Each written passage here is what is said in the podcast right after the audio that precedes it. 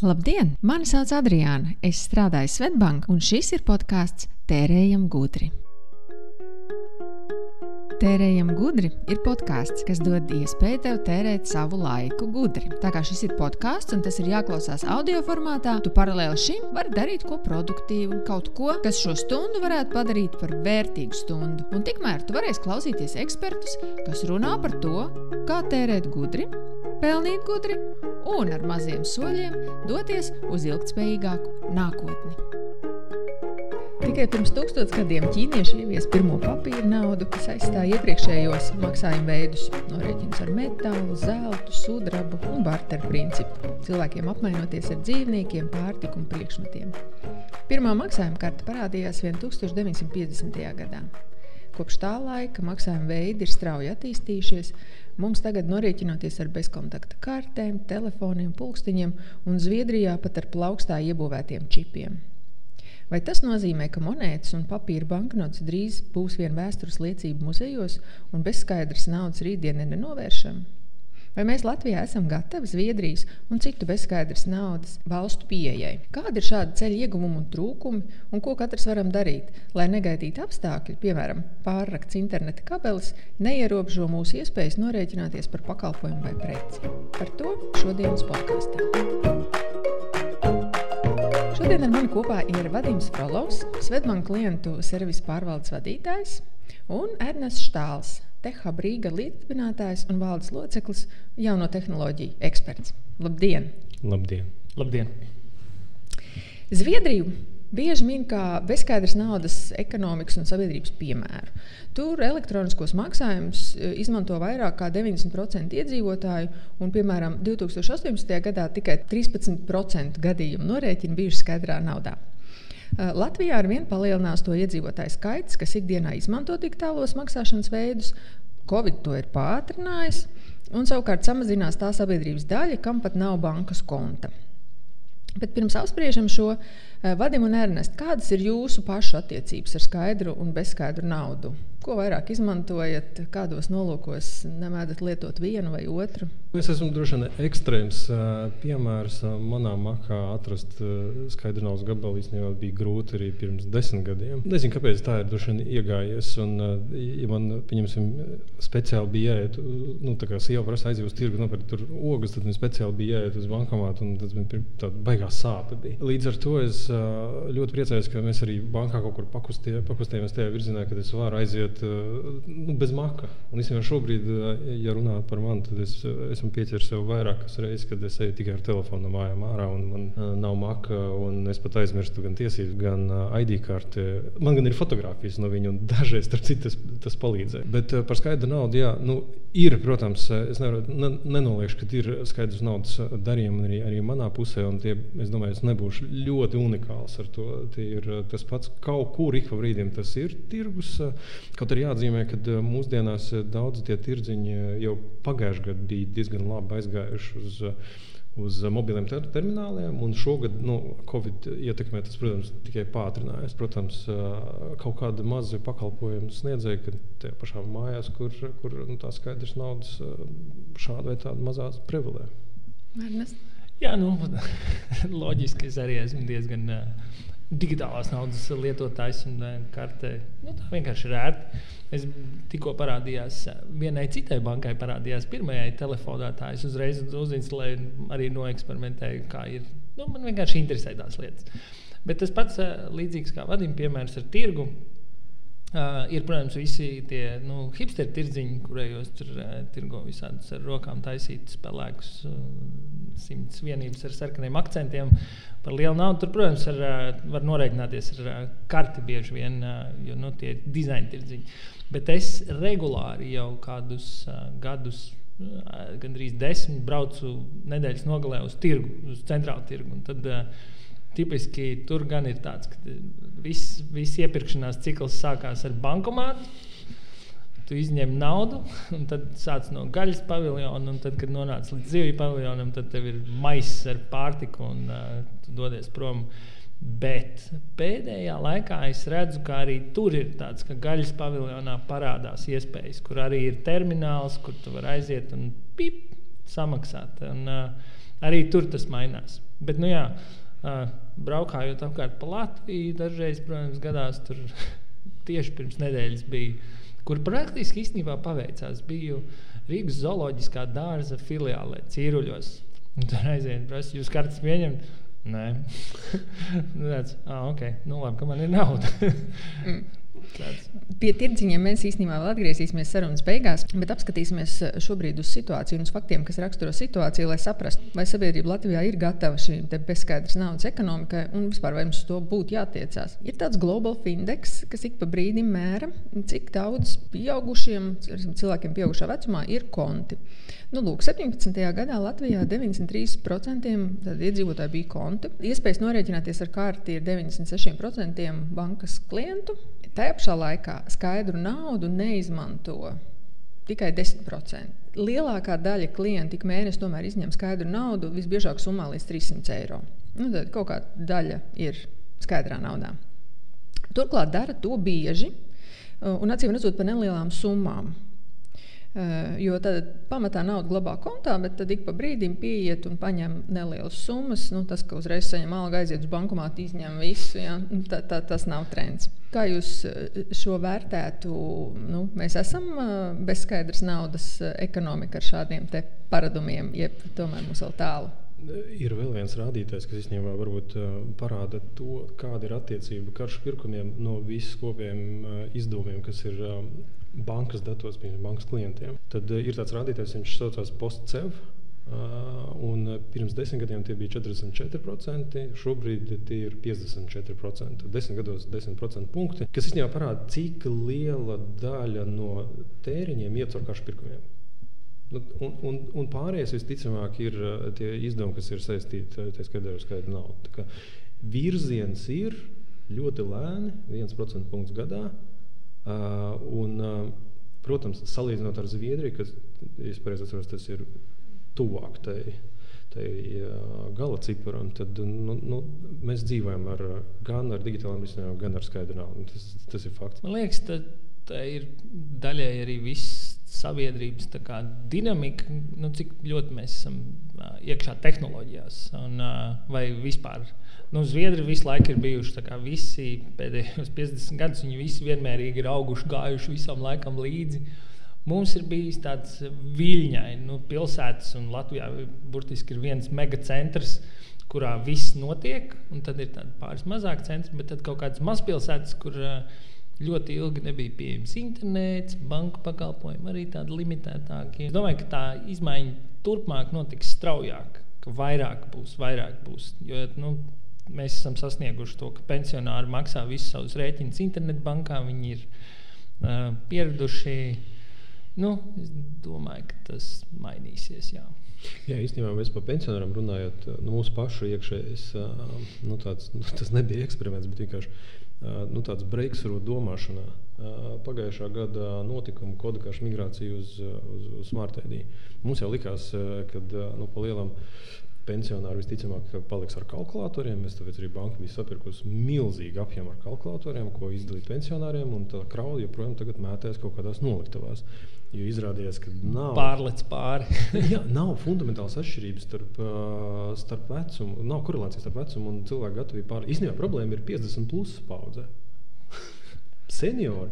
Jā, varbūt viņam kāds ir palīdzējis. Varbūt, Mazbērns. Nu, nē, bet varbūt. Es, es pats atceros, mums bija filiāle viena nu, tāda speciāla nolūkota un nozīmēta smartēja migrācija. Mēs paši centrālās ēkas darbinieki gājām un palīdzēt. Es pats atceros, atnāca kundze ļoti cienījamā vecumā. Un es jau sagatavoju to bukletiņu ar kodu kalkulātoru. Viņa saka, nē, dēliņ, man šis viss neinteresē. Man ir smart ID, man ir, es lietoju, jūs lietojat, tu pastāsti, kā jūs lietot ne regulāro maksājumu samainīt. Es pats nezinu. jā, jā. Nu, tā kā es domāju, tur, tas, tas ir normāls trends. Bet no otras puses, vai jūs varat iedomāties kādu vietu, veikalu situāciju, iestādi, kur uh, Latvijā mm, nevar uh, norēķināties ar skaidru naudu? À, tikai jo, piemēram, Zviedrijā tagad nāk veikali cits pēc cita, kurš saka, pie mums tikai ar karti vai ar tiem svišiem, kas viņiem ir populāri. Bet, uh, Nu, es esmu, man liekas, uzdūries šādai lietai. Es, ja nemaldos, Ja nemaldos, tad tas bija kaut kāds depozīta glāzes, kaut kur bija tāds tīri. Lampā, lamp... Jā. A, nē, lampā arī bija. Bet bija, bija arī skaidra nauda. Nē, man liekas, ka Skaidra tur un bija viena, bija viena vieta, kur varēja tikai bezskaidra. Kas bija interesanti, tagad Covid laikos veikali daudz lika tādas šiltītas, tā kā pie mums norēķināties, un dažiem pat bija diezgan kritiski noformēts tikai ar maksājumu karti. Bet es novēroju, nu, ja tu beigās tas pircējs grib maksāt skaidrā naudā, protams, ka viņš ir samaksāts. Tu gribi skaidrā paņemt naudu. Ne? Tas tomēr ir pirmais. Uztaisam tādu īso dueli. Duelis būs par bezskaidras naudas stiprajām, vājajām pusēm. Un aplūkosim četrus aspektus. Un, un mēģināsim nodefinēt plusus pret mīnusiem un kas ņem virsroku. Ja, Tādi četri leņķi. Pirmais, ja mēs runājam par teiksim, finanšu pratību un savu budžetu plānošanu, sekošanu līdz izdevumiem un, un, un mērķtiecīgu finanšu mērķu spraušanu, kā jums liekas, ar ko finanšu pratību labāk būtu apgūt ar skaidru naudu vai bez skaidru? Es pat teiktu, ka tur nav atšķirība. Beigās jau tā finanšu pratība ir tev galvā, kā tu sāc domāt, kā tu tur atliec un kā tu plāno kaut kādā Excelī, un tad seko līdzi. Man- Es esmu ekstrēms, eh, bezskaidrs naudas norēķins. Līdz ar to man priekš manis skaidrā nauda vienmēr likās, kad uh, es izņēmu viņu no bankomāta, es viņu pazaudēju, es tikai iztērēju. Bet es piekrītu, ka tas var būt ļoti individuāli. Un, uh, es esmu redzējis cilvēkus, kas ir ļoti, ļoti digitāli avansēti, bet viņi joprojām, un viņiem nav problēmas ar skaidru naudu. Viņi skaidru naudu fi- funkcionē galvā. Tā kā universāls atbildes droši vien nebūs. Es lasīju par naudas pratības mācīšanu bērniem. Un Tur bija viena tāda tēze. Bērniem vajag tomēr ar to skaidro naudu sākt mācīt to naudas vērtību. Tur tu cilā tās monētiņas, tur tos papīrus, tu saproti, cik daudz monētiņas un kā tas jāattiecās pret to papīru. Un tā, nu, un tad viņiem tā kā veidojās labāk tā izpratne. Un tad es pie sevis domāju, nes, cik tas ir adekvāti. Jo mēs paši esam gājuši cauri tādai naudas vērtības eh, mācīšanās, tādam algoritmam.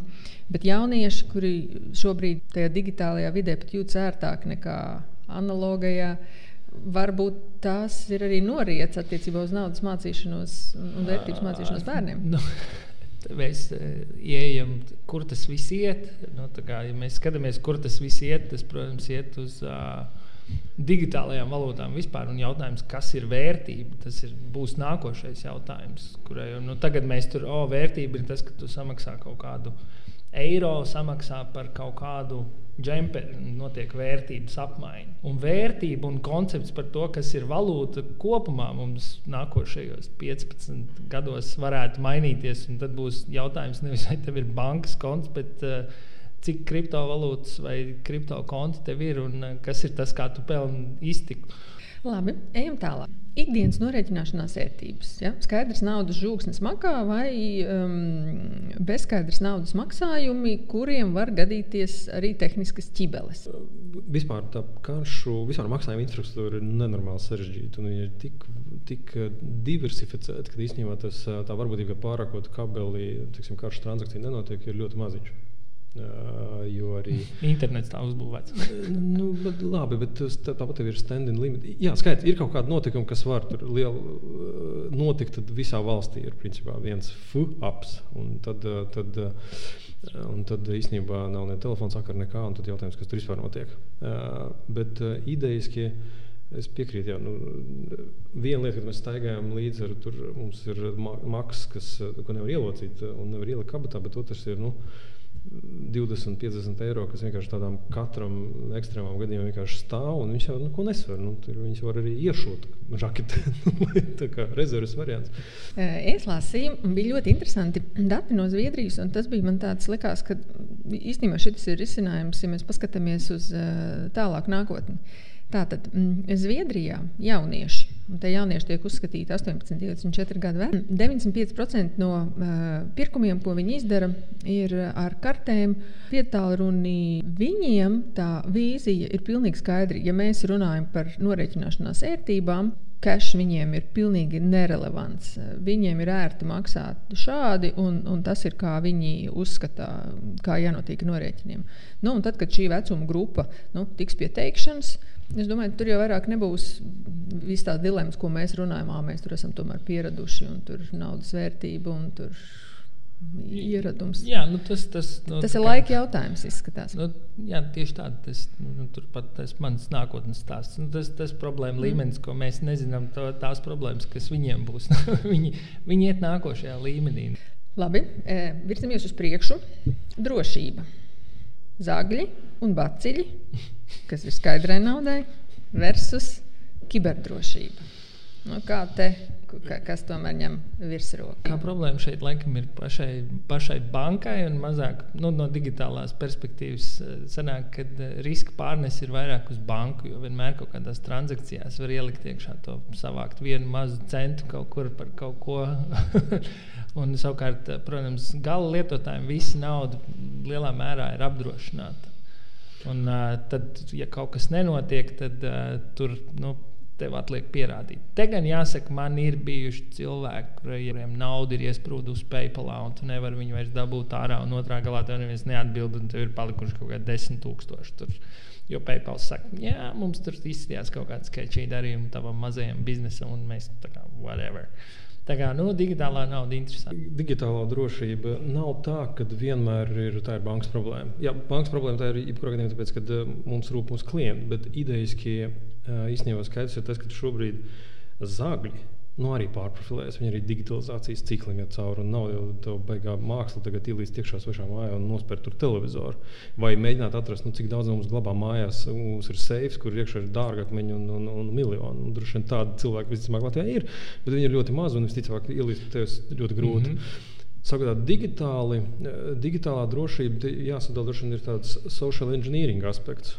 Tas ir tas, kas īstenībā Zviedrijas sabiedrībā šobrīd ir sāpe numur viens. Tā lēnām pāriet īstenībā uz Latviju. Un cik daudz cilvēki ir pazaudējuši naudu uh, investīciju platformās, nezināmas izcelsmes cilvēki uh, tādā diezgan rupjā valodā un diezgan agresīvi uzrunā. Un tur ir tie, tie ir seši cipari skaitli, kas ir gadu laikā iziet. Tad cik daudz cilvēki ir uzķērušies Facebookā uz ļoti skaistu, sen lolotu priekšmetu par ļoti interesantu cenu. Un Filipīnās var nopirkt par 50 eiro modeli, kas mierīgi izkrāps no cilvēkiem naudu un ar algoritmu paņēmieniem sapratīs, ko tu esi skatījies pirms tam, meklējis un tev speciāli uzrunās, un tu pavilksies, samaksās naudu. Te ir tev autorizēti darījumi, tie neiziet kā kāršu klējumi. Tur ir pazaudēta nauda. Tur bankas, bankas Jā. neko vispār nevar izdarīt. Šis ir tas, tieši tas sociālā inženierija, tas ir aspekts, kur praktiski ir tā, ja kāds gribēs ļoti tikt iekšā tavā bankā, es pat teiktu, nu, tad, ja viņš pietiekoši ilgi to darīs, tu pazaudēsi kontekstu. Parasts lietotājs nepamanīs, ka kāds tev ir kaut ko izdarījis. Ir tie stāsti par to, ka tu atrodi, ka šim cilvēkam ir lietotāja profili šajās četrās lapās. Vienā tu vari dabūt kaut kādu informāciju, ko tu vari izmantot otrā, lai piekļūtu pie kartes pēdējiem četriem cipariem. Tad tu vari izmantot to informāciju vēl kaut kur un beigās uh, nospūfot vēl kaut kādas šteles, lai tev kaut kādi kodi kaut kur pārceļo un uh, voilà! Jā, labā ziņa, ka nu, karšu fraudu monitorings ir top secret. Ja, ja visu banku paņem, šī ir tā struktūra, kas ir absolūts noslēpums. Jo, jo, Reverse engineering. es no, neko nestāstīšu, kas tur notiek, jā, jā. bet tas, kas man priecē, ja tu uzprast tiem cilvēkiem, kas uh, par to atbild, nu labi, jūs dienā, ikdienā redzat tās šausmas, kas notiek uh, ne tikai internetā, bet arī dārgvebā. Un, un, jūs joprojām pērkat preces un paši sev var kārti? Jā. Un tas man nu, silda sirdi, ka, labi, ja šie cilvēki to dara, viņi, viņi saprot, ka īstenībā nu, ir, nu, kopumā lietotais ir pasargāts, bet ir gadījumi, ka vienkārši nu, tā lētecība un kaut kur pārāk vienkārši pieeja, tā nu, digitālā pasaule ir, ir šausmīga, ka viņi ir instant, notiek uzreiz un to ar visu pasauli. Tur ir tā, man liekas, tā disproporcija starp to, ka tas ir tik vienkārši, nu, teiksim, norēķināties ar kartu. Pip. Un no otras puses, tur apakšā ir, nu, ir jāzina, kā tā mašīna strādā, vai kaut kādas lietas, lai tu spētu pamanīt, ka kāds mēģina tevi apčakarēt. Nu, tas, tā, tā, tā ir tā sabiedrības informētība, kas ir. Mm.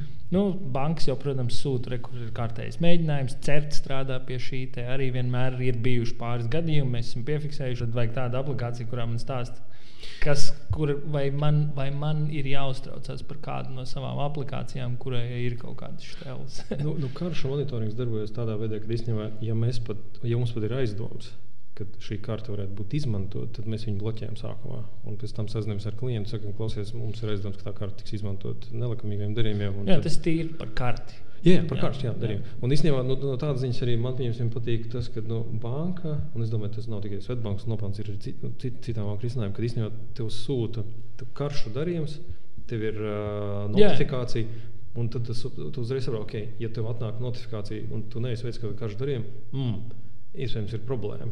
Tad es varu pat uz vietas nobloķēt viņu.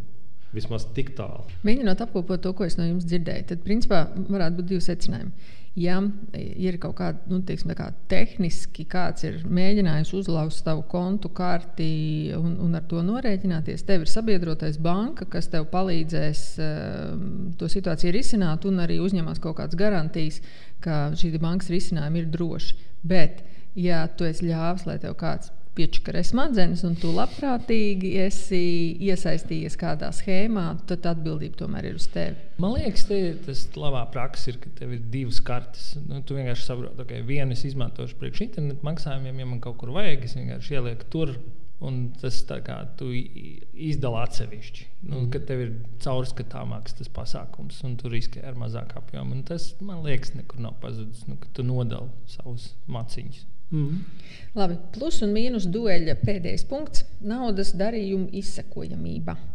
Nu, te, no vienas puses, ēnu ekonomika, kas lielā mērā arī izskaidro, kāpēc tam kungam rindā te priekšā tajā makā ir tie 500, un 100 un 200 uh, banknotes. Uh, versus privātuma zaudēšana ar, ar bezskaidro naudu, tāda izsakojamība. To privātumu īstenībā tas ir tāds, vakar lasīju viens, viens interesants aspekts. Vienā, vienā kaut kādā Delfa komentārā bija um, lika aizdomāties, nu, kad, uh, kur, kur tā privātuma robeža iet. Jo, jo jautājums ir, ja cilvēks, speciāli saka, es gribu dzīvot tikai skaidrās naudas pasaulē, tāpēc es negribu vispār par mani nekādu digitālo pēdu.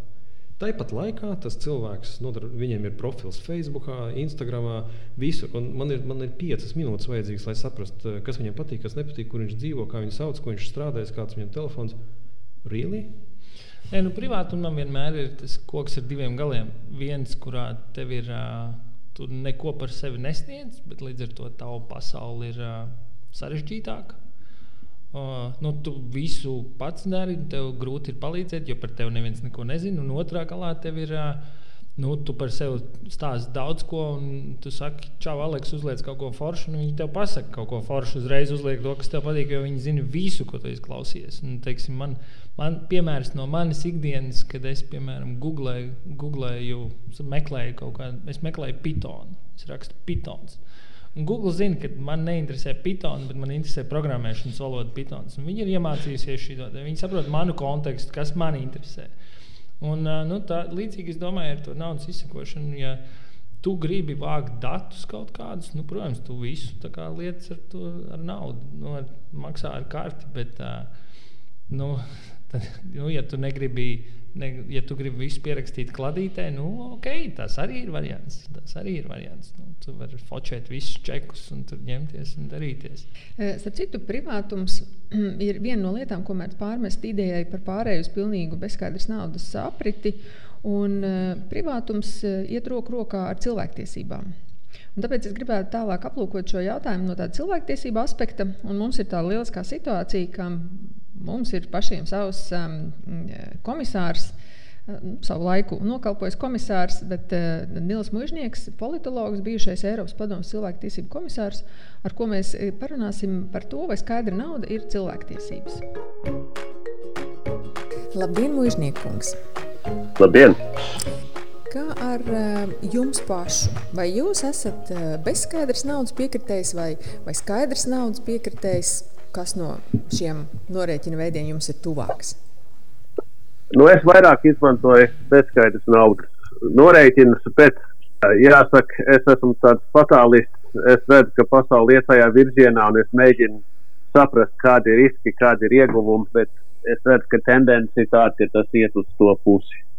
Brīnišķīgi. Tieši par šo mēs gribējām ar jums parunāties. Sakiet, vai maksāšanas veidi un, un cilvēku tiesību aspekti, vai tur nav kāda cilvēku tiesību aspekti, ja mēs runājam par bezskaidras naudas norēķiniem, un kas tie varētu būt? Ir, es domāju, ka cilvēktiesības palīdz novērtēt riskus un samērot individu intereses ar sabiedrības interesēm. Tad jautājums ir, kādas, kādas ir sabiedrības intereses bez skaidras naudas ekonomikā? Es vismaz varu nosaukt divus vai trīs, varbūt jūs varat papildināt. Viens ir apkarot ēnu ekonomiku, jo vairāk viss ir redzams un caurspīdīgi bankās, jo, mazāk, jo grūtāk ir maksāt aploksņa algas un tam līdzīgi. Vēl viens labums, ko esmu dzirdējis, ka tas varētu mazināt noziedzību. Ja, ja laupītājs zina, ka tev maciņā nav, nav skaidrās naudas, eh, diez vai viņš gribēs sevi apzakt. Trešais ir mazliet tāds kutelīgāks jautājums. Var labāk regulēt cilvēku uzvedību, piemēram, bloķēt zināmas transakcijas vai, vai viņas veicināt. Nu, piemēram, dzirdēju par tādu eksperimentu, kad deva Austrālijā cilvēkiem uh, nevis skaidrā naudā pabalstus, bet ar karti, bet ar tām kartēm nevar pirkt alkoholu vai narkotikas. Un līdz ar to var regulēt cilvēku uzvedību. Bet, ja var regulēt cilvēku uzvedību šādos veidos, var to regulēt arī citos veidos, bloķējot transakcijas, piemēram.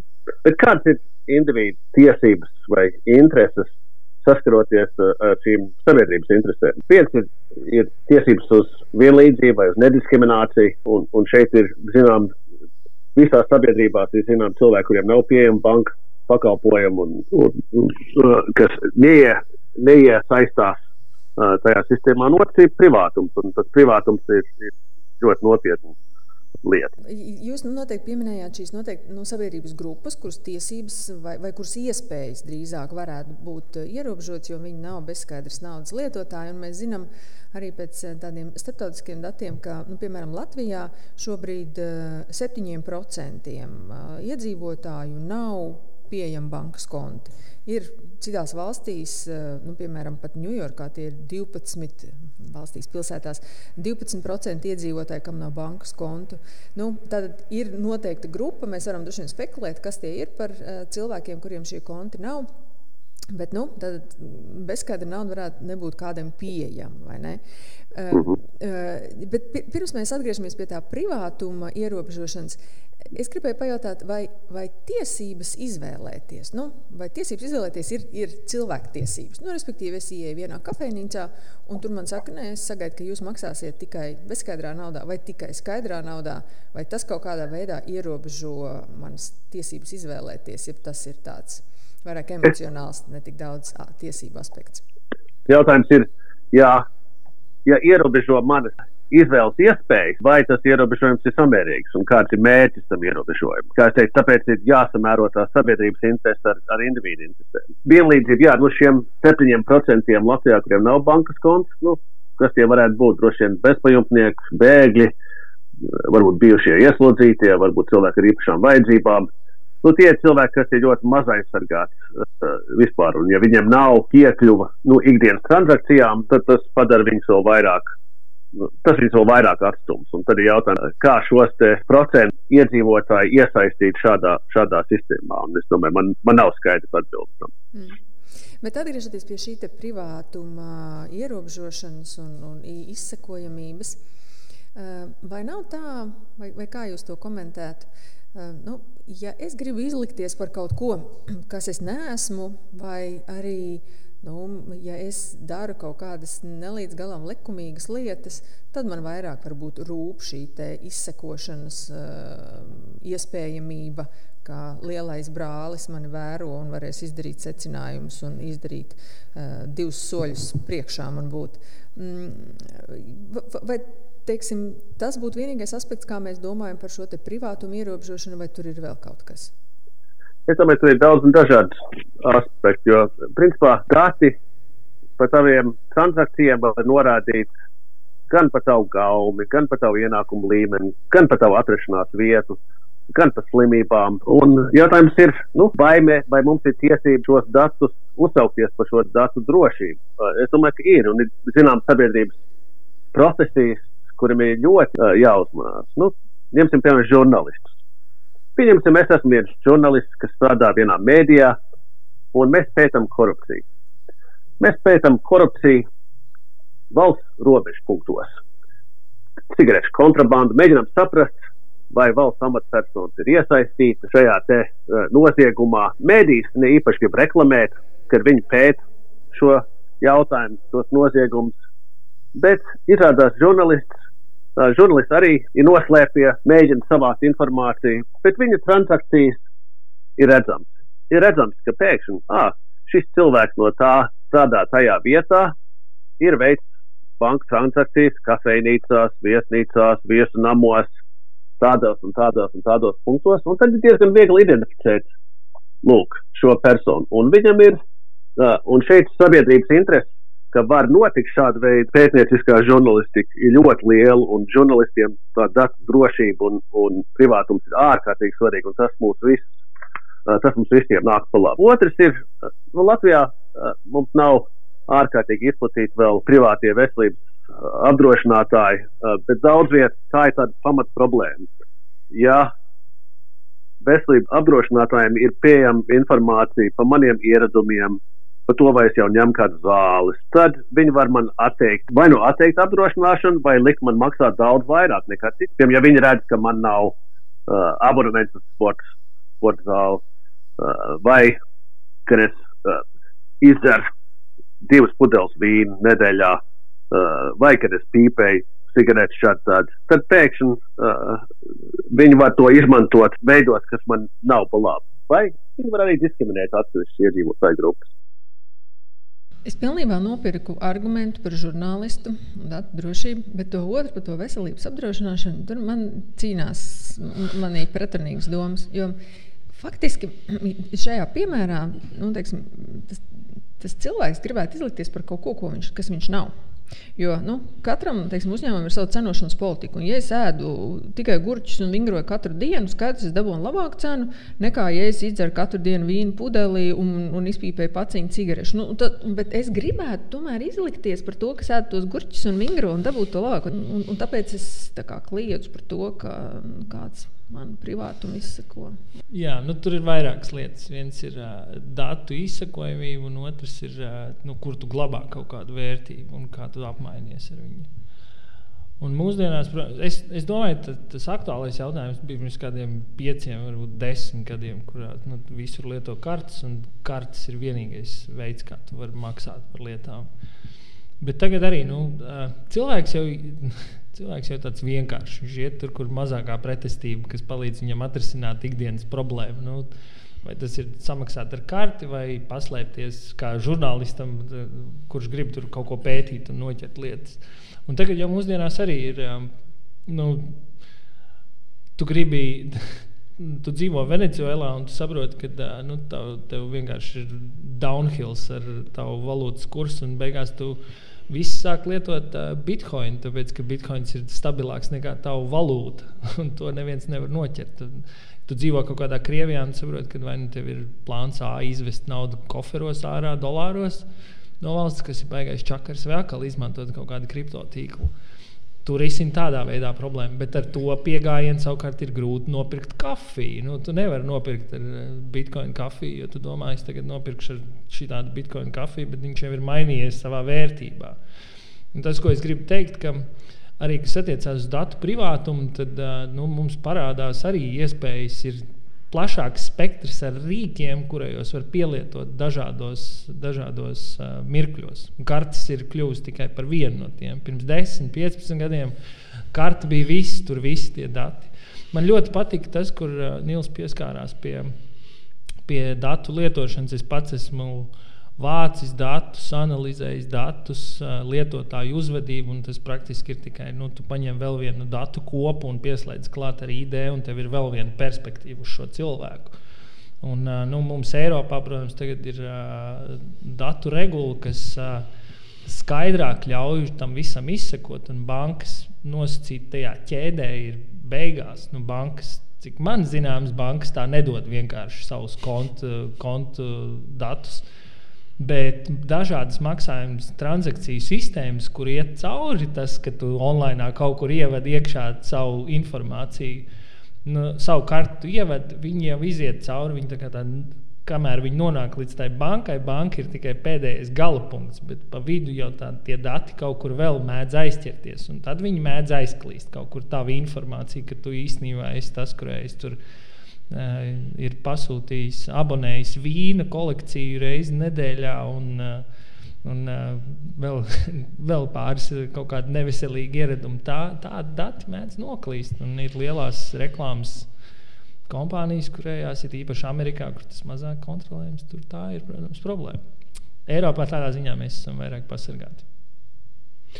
Nu jā, es domāju, ka pilnīgi piekrītu, ka eh, karšu darījumi ir tikai viena maza daļa. Un, eh, nu, es domāju, ka mēs visi piekrītam apgalvojumam, ka lielākā daļa sabiedrības, tas skaitā žurnālisti, izmanto vietu tālruņus vai viedierīces.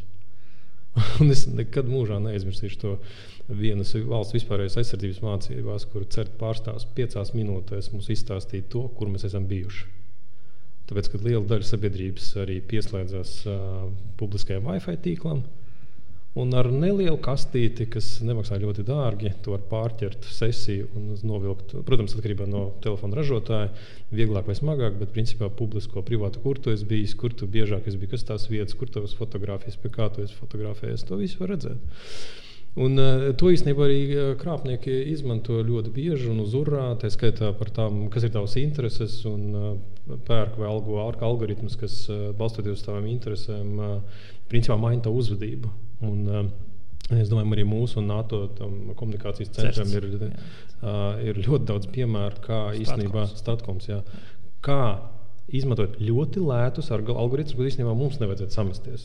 To katrs no mums var atļauties nopirkt un noalgot uz kaut kādu speciālu uzdevumu, izpildu, kas balstoties uz tavām pēdām, ko tu esi atstājis vispār digitālā veidā, izdomā veidu, kā te uzrunāt un uzrunāt tā, uztverot tieši tavas psiholoģiskās nianses, ka tu vienkārši pat cilvēks, kas ir gatavojies tam, vienkārši maina savu lēmumu. Šeit, šeit gan mans komentārs par uh, to, ka šis rīktīgi labi strādā angļu valodas tīklā, nu, angļu valodas runāšanas pasaulē, jo tur vieglāk ir nu, vairāk, teiksim, tā lielāka treniņu kopa, uz ko jā, to uzturēt. Mums kā latviešiem ir paveicies Latvijā dzīvojot, jo neviens nečakarējās jā, mums tur eh, ņemties, un tu, mūsu latviešu valodu grūti analizēt. Jā, toties, ko var viegli izdarīt, vienkārši parādīt to preci, ko tu esi meklējis kaut kur, un reku viņi ir tikai priekš tevis, un tu esi laimējis uh, unikālo brīdi, tu pieteiksies un vēl samaksās komisiju tad tu esi pazaudējis naudu, pazud, nav preces, un tad parādās vēl citi draugi, kas saka, ej, mēs esam izmeklētāji, samaksā mums vēl komisiju, mēs palīdzēsim tev noķert tos, un tev gribās pret tavas taisnību pret sevi, un, un tev vēl visu laiku ārā, un tev visu laiku grūti atzīt, ah, bet īstenībā problēma sakne ir manā pašā. jā, jā. Spoguli ieskaties diezgan grūti. Mūsu sarunai būs brīnišķīga apaļveida kompozīcija. Mēs sākām ar tirgu un mēs beigsim ar sarunu par tirgu. Proti, Nu, tagad, kad mēs esam pārgājuši pār tādiem bezskaidras naudas norēķinu priekšrocībām, trūkumiem, noskaidrosim, kādās situācijās mēs nevaram iztikt bez skaidras naudas. Un ar šādu mērķi mēs aptaujājām Facebook grupas tērējumu gudri dalībniekus. Un, uh, jautājums bija ļoti populārs, un mēs saņēmām vairāk kā simts komentārus. Šie komentāri brīnišķīgi parādīja trendus. Protams, jāņem vērā, ka tā ir aptauja Facebook, un, un tur tas ir cilvēku komas ar noteiktiem paradumiem. Bet, uh, mēs nevaram šo visu attiecināt uz visiem lietotājiem, bet kaut kādu ieskatu tas dod. Un tas, kā es piedāvātu uz šiem te, uh, atklājumiem skatīties, ir saprast, nu, vai tā ir, vai, vai šai jomai ir potenciāls pāriet uz bezskaidru naudu, vai varbūt tas ir tikai uh, laika jautājums, un kas ir tie iemesli, kāpēc šie joprojām ir skaidrs naudas norēķinu vietas. Nu, tad vispirms uh, parādījās divas ļoti lielas grupas. Tad joprojām ir uzņēmumi, kas nepiedāvā norēķināšanos ar karti. Ja? Un, um, jūs nosaucāt jau sarunas sākumā dažus, ja, un te, tas atkārtosies. Ja, piemēram, lauku baseins, turisma apskates objekti, naktsmītnes, stādu audzētava, mikroautobusu biļetes, starppilsētu autobusi, pērkot autobusā, autostāvvieta, ieejas maksa mazos pasākumos, autoservis, remonta darbnīca, kurpnieku darbnīca, ārstu kabinets, dzīvokļu izīrētāji. Un tad bija grupa, Eh, kas ir teiksim, automatizēti risinājumi.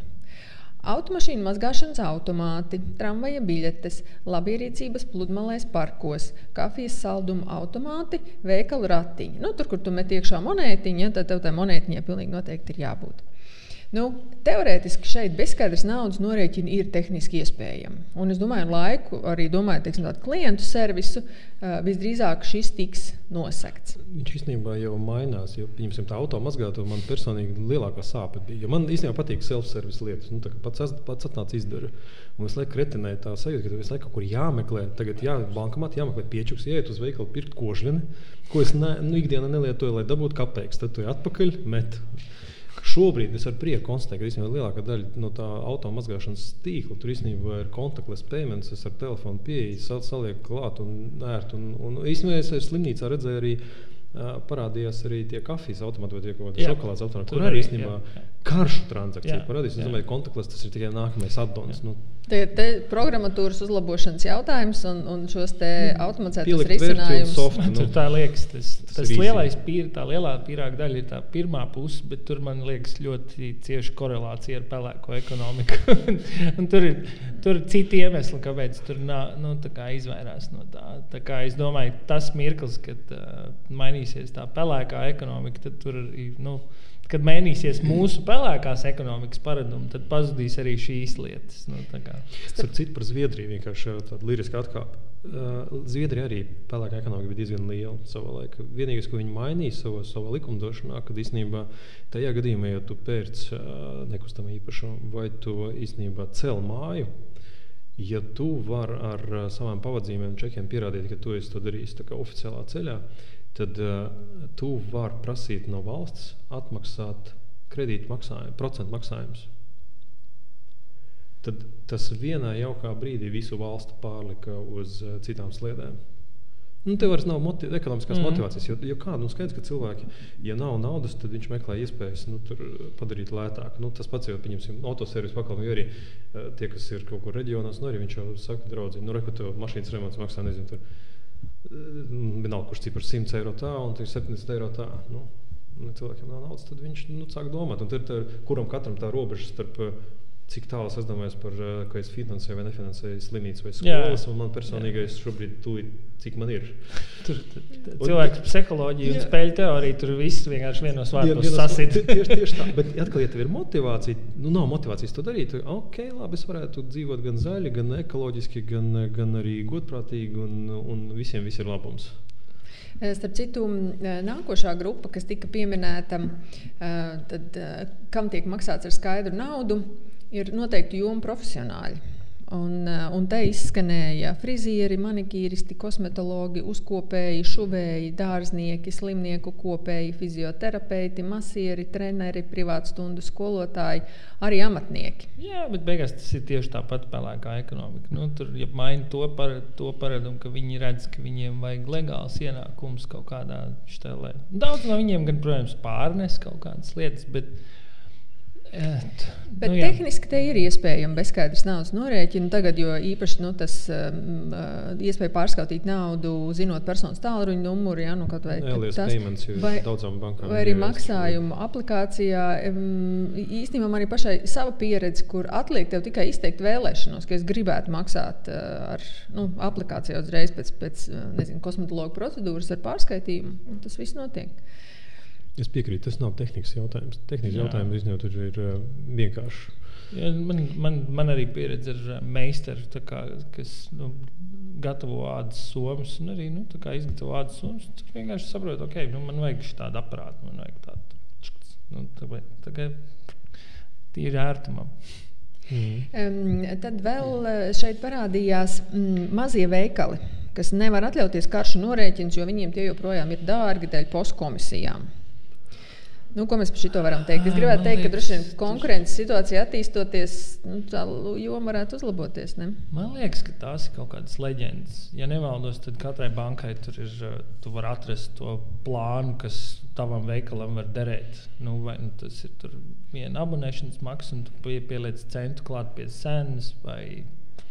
Īstenībā veikaliem arī tikpat liela sāpe sagādā, ko darīt ar to skaidro naudu. Jo īstenībā, ja pastāstīs vispār naudas skatījums, naudas jāmaksā ciklu. inkasatoriem un visam pārējiem. nu, vispār, nu, labi, es saprotu, tur pats kasieris savāc to kasu un aiziet. Nu, cik tas ir droši, un arī darbs kaut kāds ir izdarīts. Bet, ja mēs skatāmies no bankas perspektīvas, tad skaidrs naudas plūsma, ko juridiskas personas iemaksā, fiziskās personas izņem. Nu, viņš tā grozās. Un, bet man, man, man liekas, tie ir nu, kaut kur daži veikali. Varbūt tas nav īsti atbilstoši līgumam ar banku, bet tomēr kaut kā ar sabiedrības iesaisti viņi to zelta vidusceļu atrod. Nu, piemēram, man mazs veikaliņš blakus pie mājām. Viņi vienkārši uzrakstīja, tur, nu, draugi, nu, darījumiem zem diviem eiro. Nu, lūdzu, nē, nu, mums tur dārgi. Nu, viņš ir maziņš, labi saprot. Un, tu, īstenībā, tā lokāla sabiedrība tur baigi necepjās. Nu, labi, nu, kas ir divi eiro veikali? Principā, tu iet nopērc piena maizi. Nu, kas ir tas? Principā, tas ir veikaliņš, kas domāts, nu, ko es aizmirsu nopirkt. Nezinu, tur aiziet pēc ūdens pakas, lai nav jāved tas viss. Divi eiro tur jau sakasās. Nu, labi, un tur viss norēķinās ar karti. Tā kā nu, tāds mutual agreement un viss mierīgi. Jā, sapratu, tas parādījās arī šajās šajā aptaujā, ka ieradums maksāt par maziem pirkumiem ar skaidru naudu, nu, kā, kā solidarizējoties ar tirgotājiem. Nu, ja tu pērci tur vienu vienīgu kafiju vai tikai košļiņas, tad tu maksā ar skaidru naudu. Tāds trends arī parādījās. Nu, es vienkārši solidarizējoties ar pārdevēju, vienkārši nopirku bišķi vairāk. Jā, vai arī. Tad viena īpaša grupa ir tirgus un arī lauku labumu, ko pievada mājās. Bet nu, mēs jau sarunas sākumā arī noskaidrojām, nu, ka lēnā garā jau šur tur parādās labi izņēmumi. Pieņemsim tas pats imantas tirgus tirgus eh, vai, vai mārups tirgus. Un produkts mēdz pievest arī ar pārskaitījumiem. Bet es gribētu teikt, ka tirgus, te tā skaidrs naudas aprite vēl joprojām saglabāsies, jo tā ir tāda ļoti nestruktūrēta vide. Tur, um, tād, um, bet tu, tur nebūs īsta motivācija un tāds stimuls mainīties. Man, liek, nu, man liekas, tas vēl joprojām iet ar to pelēko ekonomiku kopā. Mm. Nu, tas ir vienīgais iemesls, kāpēc tur kaut kur, tur kaut, kur, kaut ko izdarīt. Nu, tas drīzākais nav kā cilvēki nav, nevis nav iemācījušies, nav sapratuši, bet tas, ka ir nozars, ir virzieni, kurējos nav motivācija vai dēļ tā, ka kopumā industrijā tas viss ir tāds pelēks. Vai dēļ kaut kādiem nav, nav bijis motivācija. Nu, nezinu. Es nedomāju, ka tur ir reāls piemērs. Ir viņam ogu uh, nu, viss tīkls un ceļš nu, cilvēkiem uh, kaut kādās dzīves uh, nu, posmos vienkārši nav ko citu darīt, kā tikai vākt ogas. Un viņi īstenībā nu, ir bišķiņi tie, kas ir kā, nu, ārā no, no, no tās ekonomiskās aprites, zinām, iemeslu dēļ. Un viņi, viņi saka, es tikai vākšu to ogas, bet tikai maksā man skaidrā. Un tad tas aiziet skaidrā naudas ceļš. Tas arī pēc tam kaut kā aiziet pie tirgotāja, un tirgotājs arī viņiem vajag to skaidru naudu, lai samaksātu tiem cilvēkiem, kas lasa ogas. Un tur ir tas cikls arī, nu, viņš iegriež tos ratus. Vēl divas grupas. Tad viens uh, ir starppersonu norēķini. Un te ir ehm, sākot ar bērniem naudu klases eh, ekskursijām, ja, kur tur tev 5 minūtes pirms iziešanas no mājas paziņo, ah, mamma, man šodien vajadzēja 3 eiro uz skolu. Tad naudas mešana kolēģi jubilejām, um, sūtot bērnus uz veikalu, tur aizēja nopērts pienu un labi sev arī saldējumu. Uh, tad braucot pie omas uz laukiem un izpildot viņas pasūtījumu, ko vajag atvest no pārtikas. Uh, Un tad vēl, protams, viena grupa, kas ir visa SS.com repertuārs, kur nu, lietotu mantu pārdošana, dažādi pakalpojumi, tur stāda melnzeme, malka, kucēni. Nu, viss šī jomā aiziet skaidrā naudā. Bet arī nē. Nu, man tieši vakar bija piemērs, kur man ir čoms Liebājā, kurš pērk kaut kādu rezerves daļu no burjāņiem vai no kurienes. Man tikai vajag piedalīties ķēdē pa vidu. Viņš viss ir samaksājis, man ir tikai jāpaņem viss tas pasākums. Un ar pakomātiem vispār visas mammas pateiks, ka tur bezskaidrs naudas norēķina un pakomāta industrija. Tur nekad tu neredzi, no kurienes tev atnāk tās puiku kedas kaut kādas, no, nezinu, no kurienes. Man liekas, SS tur pilnīgi ir. Nu, tur pāriet ļoti daudz, kas aiziet tajā, kas ir bezskaidra norēķina tikai tāpēc, ka loģistika ir kļuvusi daudz ērtāka. Tev, nu, tev ja iepriekš tev tāpat ir jāsatiekās un jāapmainās ar to mantu, tad tagad, tā, ka ir pakomāti, tur īstenībā negribi čakarēties ar naudas sūtīšanu pretējā virzienā. Kaut kādu tur, nu, tā kā tas, jā, caur pakomātu. Nu, tā kā, Jā, vienkārši. Nu, jā, jā, respektīvi, arī šeit bezskaidrs naudas uh, risinājumi tehniski ir iespējami. Un, un bērniem, un bērniem īstenībā parādās arī kartes. Nu, kā, nu, mm -hmm. tur... Starp citu, nevienā komentārā neparādījās uh, skaidrs naudas paradumos uh, regulārās kabatas naudas došana bērniem. Bērni Nebija. ir iemācījušies naudas pieprasījumu pirmie šīs planētas. Man liekas, viņi, viņi drīzāk aizmirst, ka viņi nosūtījuši jau divas reizes dienā. Saviem vecākiem pieci. Ieskat, ieskat, ieskat desmit. Un visbeidzot, pēdējā grupa ļoti nozīmīga dzeram naudas. Īsnībā tehniski ir uztaisīts arī posttermināls. Ir Jā. opcija uztaisīt, ka to var tipu uz, uztaisīt. Bet, uh, Bet pie mums ir tāda posttermināla ir, apritē. jā, bet kur ir problēma? Tas Īstenībā, ir programmatūras jautājums. Pro, Tur- bet ne tikai. Jā, Man sieva kādreiz bija bārmene. Viņa man īstenībā izstāstīja, kā banķerim, kāpēc tas nekad nestrādās. Nu, es nezinu, varbūt tā, tas ir mainījies laika gaitā, bet kādreiz Kultūra. vismaz. Nē, Kādreiz bija tā, ka visiem, visiem cilvēkiem, kas strādā tajā apkalpošanas biznesā, viņi visu to tipu naudu, tā kā tējas naudu, salika vienā katlā. Sadala vakarā, sadala savā starpā. Jā. Ja tu uztaisīsi tipu, kas iet kā caur pārskaitījumu vai caur karšu transakciju, viņš jau aiziet uzņēmumam. Nu, tur tur cilvēku jā. motivācija, nu jā, labi, skaisti. Bet es zinu, ka Lielbritānijā tur, nu, tā kā bārā nopērts aliņu, tur tipiski ir, kad nu, tur parādās pirmais dos tipu, nē, tur, tur, tur, tur, tur. Tā kā Tas arī kaut kāds kultūras jautājums, kur es esmu pārsteigts, cik ļoti daudz viņš vienmēr tiek tur paprasīts. Bet... Nerunājot par ASV. Nu, e- es, biju, es biju domājis, ka šitie, mm, mēs varētu iedot ā, Ernestam mājas darbu, no, kā ērtu, labi integrējamu risinājumu. Tie startupi tur ir bijuši entie, kurai ir taisījuši. Bet ā, nu, vienmēr ar startup idejām ir kaut kas, kas izklausās forši, bet tad jautājums, vai tas ir tik ļoti tev dzīvē palīdz, ka tu esi gatavs instalēt kaut kādu aplikāciju, ko ņemties. Tāpēc Vieglāk viņam ir jābūt integrējumai, nu, tas posttermināla variants. Bet nu, arī tas tāds par ēnu ekonomiku. Ja, kamēr tas mums būs aktuāls, droši vien arī nestrādās posttermināls ar tādu funkcionalitāti. Jā, kaut kur tas ir ēna ekonomikas jautājums, bet, protams, saprotot, cik uh, liela vai maza ir tā tējas nauda, ko tur uh, vakarā tie nu, viesmīļi un bārmenis tur sadod. Nu, nav nekāda tur raķešu zinātne. Nu, tur, Mhm. tur ir uh, tāds bišķiņu prēmijas jautājums. Es domāju, tas atkal ie- iekrīt tajā lauciņā, kas būs nākotnē kaut kāda vērtības apmaiņa, kur tu ies ārā, pieskarsies un no tava mistiskā maciņa kaut kas noskaitīsies nost. Un, Varbūt laiki. Jā, kaut kādā tu iemainīsi kaut kādus laikus pret saviem restorānu koiniem, kurai ja strādās ar touchless. Tu vienkārši ejot ārā, tu piespiedīsi, novērtēsi kaut kādā skalā, un viņš tev automātiski ting, iekritīs. Bet pašlaik kaut kāds čakars ar naudu kaut kur tas tur.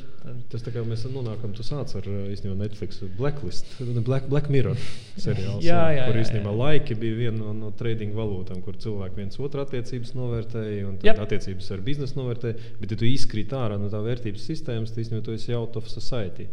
Nu, tas, kas notiek mēs tur- Ķīnā šobrīd. Jā, jā, jā, tas, kas notiek Ķīnā, bet nu, kaut kādā veidā tas vienkārši nu, civilizētajā pasaulē, rietumu pasaulē, tas droši vien atnāks atpakaļ. Kā kaut kādi tas viss sašķīdīs un būs interesanti. Un pēc pieciem gadiem mēs runāsim, vai jums jau ir kaut kāds maciņš ar mistisku valūtu. Tātad es mēģināšu apkopot to, ko es esmu sadzirdējis šajā sarunā, un jūs labojiet mani. Bet, eh, nu, tā kā mēs saprotam, ka pasaule iet tajā bezskaidras naudas norēķina virzienā, tad uh, mēs gribam uh, iedot tādus padomus. Respektīvi, ja tu esi bezskaidras naudas vērtību piekritējis, kam ir jābūt tavā arsenālā, lai jebkurā situācijā tiktu cauri sausām kājām. Tad mēs runājam par to, ka nu, kaut kādai skaidras naudas summai tev vienmēr makā jābūt līdzi. Nu, nezinu, 20 eiro makā tas būtu veselīgi tā turēt ka tev būtu jābūt um, nezinu, divu banku kartēm vai diviem dažādiem rīkiem. Teiksim, tur bankas un nebanku rīks, kad ja vienam ir kaut kāda ķibele, tad tu tiec cauri ar to otru. Un trešais, ko mēs dzirdējām, ir um, nu, neuzķerties uz pārāk labiem piedāvājumiem, lai tie būtu ticami e-vidē.